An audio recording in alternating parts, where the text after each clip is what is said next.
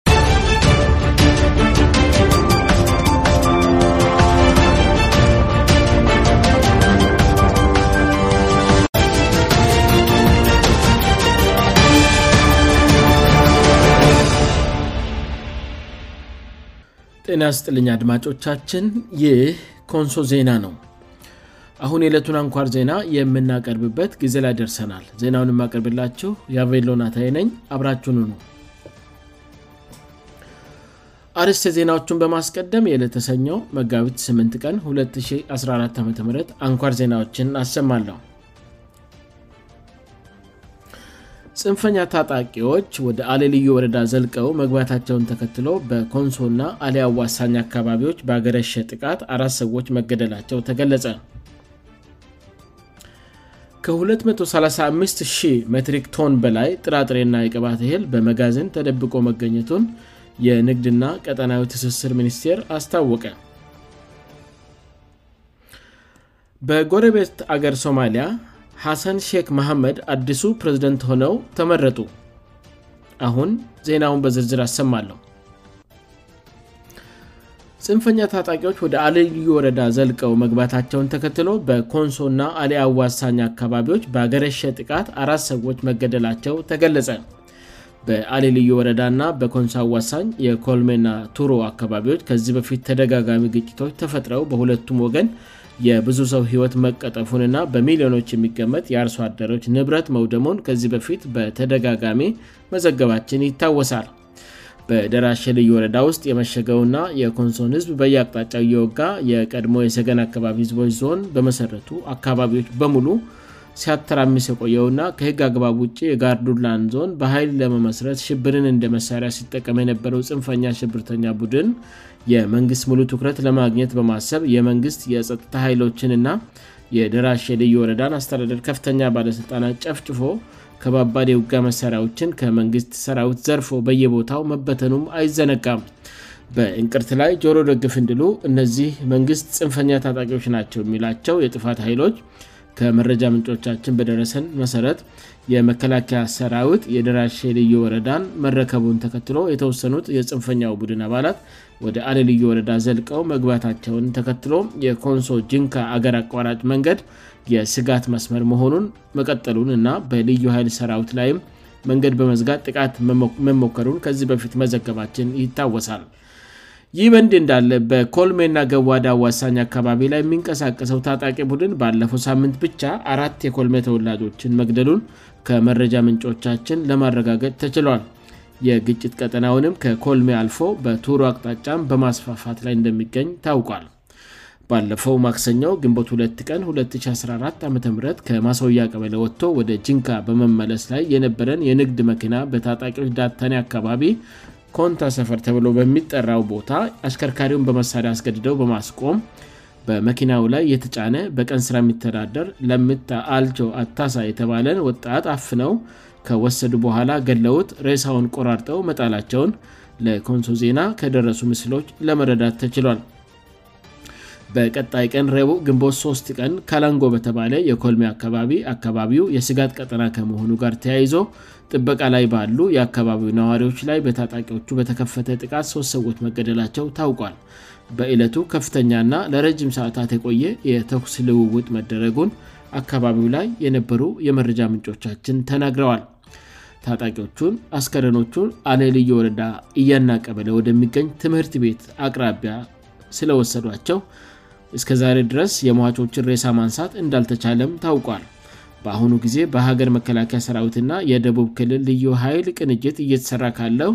ፅንፈኛ ሽብርተኛ ቡድኑን በደራሽ ልዩ ወረዳ ውስጥ የማደነው ፕሬሽን ጋር ተያይዞ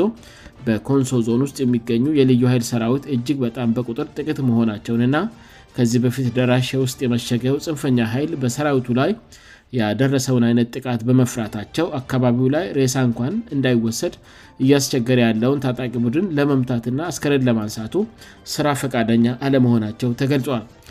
በተመሳሳይ ከቅዳመ ግንቦት 6 ቀን 2014 ዓም ጀምሮ በቱሮ በኩልም ተመሳሳይ የግጭት አዝማሚያዎች መኖራቸውንና የተኩስ ልውውጡ እስከዛሬ ድረስም እንደቀጠለ ነው ተብሏል በቱሮ በኩል ዳግን ባገረሸው ጥቃት ቢያንስ ሁለት ሰዎች ክፉኛ መቁሰላቸው ታውቋል በትላንትና ዕለትም ደግሞ የእርዳታ ይህልና ነዳጅ የጫኑ መኪናዎች ወደ ጅንካ እንዳያልፉ ፅንፈኛ ታጣቂዎቹ ከዚህ በፊት እንዳደረጉት ቀርቀርት ተብሎ በሚጠራው የአለልዩ ወረዳ ቀበለ ውስጥ በተለምዶ አንቴና ተብለ በሚጠራው አካባቢ መንገድ በመዝጋት አስከርካሪዎቹ ላይ ከፍተኛ ስጋት መፍጠራቸው ታውቋል ይሁንና መንገድ ከመዝጋት ባለፈ በተሽከርካሪዎቹእና በአሽከርካሪዎቻቸው ላይ የደረሰ ጥቃት የለም ትብሏል ዛሬ ማምሻውን የጀርመን ድምፅ ራዲዮ ዲw ከ40 ምንጭ ኮንሶ ጂንካ ያለው አገር አቋራጭ አውራ ጎዳና የፀጥታ ችግር ያለበት በመሆኑ የከባድ መኪና አስከርካሪዎች መቸገራቸውን ሾፈሮቹን ጠቅሶ ዘግበል መንገድ መዘጋቱን ተከትሎ ወደሚመለከተው አካል በተደረገ ጥሪ አምስት የአገር መከላከያ ሰራዊት ፓትሮሎች መጥተው እነዚያን የጭነት ተሽከርካሪዎች እስከ ብራይሌ በአጀብ ካሻገሯቸው በኋላ ወደ መጡበት ተመልሰው መሄዳቸው ታውቋል በሌላ ዜና በደቡብ ኦሞዞን ሰላማጎ ወረዳ ቦዲ እና ካሮዲሜ ተብሎ በሚጠሩ ሁለት ብሔረሰቦች መካከል በተፈጠረ ግጭት ቁጥራቸው በሁሉ ያልታወቁ ሰዎች መገደላቸው ተገልጿል የግጭቱ መንስሄ የዞን የማዋቅር ጥያቄና የአስተዳደር ኃላፊነት ሌነ ብሄር ይገባኛል ውዝግብ ያስነሳው እንደሆነ የመረጃ ምንጮቻችን ተናግረዋል ካሮዲሜ እና ቦዲ ብሔረሰቦች በደቡብ ኦሞዞን ውስጥ ከሚገኙው 16 ብሔረሰቦች መካከል ሲሆኑ ቦዲዎች በዋናነት በአርብቷ አድርነት ሲኖሩ ካሮድሜዎች ደግሞ በብዛት አርሶ አድርና ከሌላ አካባቢ ወደዚያ ስፍራ ከመጡ ሌሎች የኢትዮጵያ ብሔሮች ጋር ተቀላቅለው የሚኖሩ ናቸው የግጭቱ መነሻ አካባቢ እንደሆነ እየተገለጸ ባለው የሰላም ገ ወረዳ ከብዙ ዓመታት በፊት መንግስት ከኮንሶእና ከአሊ አካባቢዎች ዜጎችን ወደዚያ ማስፈሩ የሚታወቅ ነው በቅርቡ በቦዲዎችና በካሮዲሚዎች መካከል የተፈጠረው ብሔር መሠረት ያደረገ ግጭት እስከ ባስኬቶ ድረስ የመስፋፋት አዝማሚያ ማሳየቱም እየተገለጸ ይገኛል ይህ ኮንሶ ዜና ነው ከ2350 ሜትሪክ ቶን በላይ ጥራጥሬና የቅባት ህል በመጋዝን ተደብቆ መቀኘቱን የንግድና ቀጠናው ትስስል ሚኒስቴር አስታወቀ የንግድና ቀጠናዊ ትስስር ሚኒስቴር ከ2350 ሜትሪክ ቶን በላይ ጥራጥሬና የቅባቴል በመጋዛን ተደብቆ መገኘቱን ያስታወቀ ሲሆን ምርቱ ለውጭ ገበያ መቅረብ ሲጠበቅበት በተለያዩ መጋዝኖች ተደብቆ መገኘቱን በንግድና ቀጠናዊ ትስስር ሚኒስቴር የኮሚኒኬሽን ሃላፊ የሆኑት ወይዘሮ ቁም ነገር እውነቱ ለሪፖርተር ጋዜጣ ገልጸዋል በዚህም መሠረት በበጀት ዓመቱ እስካሁን ለገበያ መቅረብ የሚችል ከ2350 ቶን መትሪክ በላይ የጥራጥሬእና የቅባት ህል በአዳማ በቡድራዩ በቃልትና በገናን ከተሞች በላኬ ድርጅቶች ማከማቻ መጋዝንና በማዘጋጃ ኢንዱስትሪዎች ውስጥ ተከማጭቶ ማግኘቱን ገልጿል ሚኒስትሩ ባደረገው ዳሰሳ መሠረትም በአዳማ ከተማ 660 መትሪክ ቶን የቅባት ህል 55,485 መትሪክ ቶን ጥራጥር ሰብል በአቃቂ ቃልቲ 3325 መትሪክ ቶን የቅባቴህል 2400 የጥራጥ ሰብል በቡራዩ ከተማ 43569 መትሪክ ቶን የቅባህል 116844 መትሪክ ቶን የጥራጥ ይህል 8 ወራት ውስጥ በአጠቃላይ ወደ ውጭ ለመልክ የታቀደው የቅባቴል 19635 መትሪክ ቶን ሲሆን 135371 ክ ቶሆን ተልኮ 258ሚን ማስገኘቱ ተገልጿል በዚህ ወቅት 140 ቶሆን ጥራጥሬ የተላከ መሆኑን 157 ሚን ማስገኘቱንም የተቋሙ ሪፖርት ያሳያል በዚህም መሠረት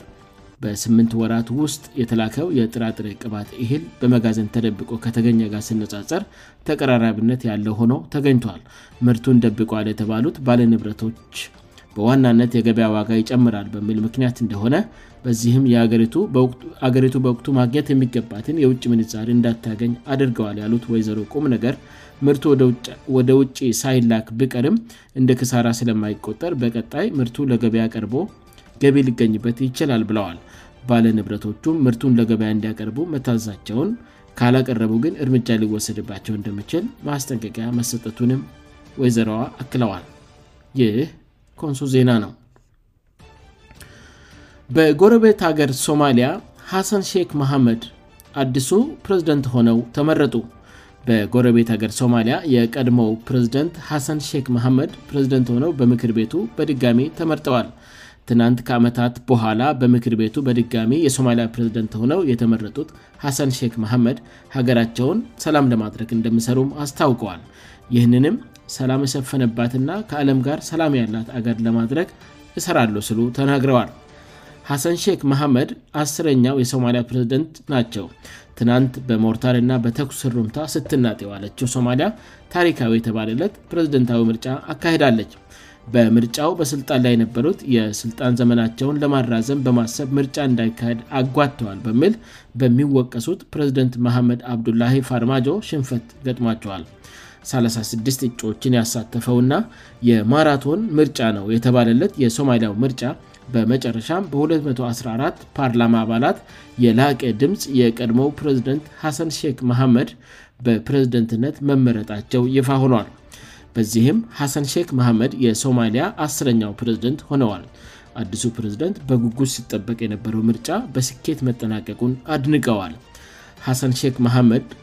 ፕሬዝደንቱ ፋርማጆ ከጎነ የመገኘታቸው በእውነት የሚያስመሰግናቸው ነው ወደፊት መሄድ እንጂ ወደኋላ መመለስ አይጠበቅብንም ማንኛውንም ቅሬታ ማዳን አለብን ስሉም ተደምጠዋል ሶማሊያን ሰላም የሰፈነባትና ከአለም ጋር ሰላም ያላት አገር አደርጋታለሁ ስሉም ተደምጠዋል ተሰናባጁ ፕሬዝደንት አብዱላሂ ፋርማጆ በበኩላቸው በሼክ መሐመድ መመረጥ የተሰማቸውን ደስታ ገልጸዋል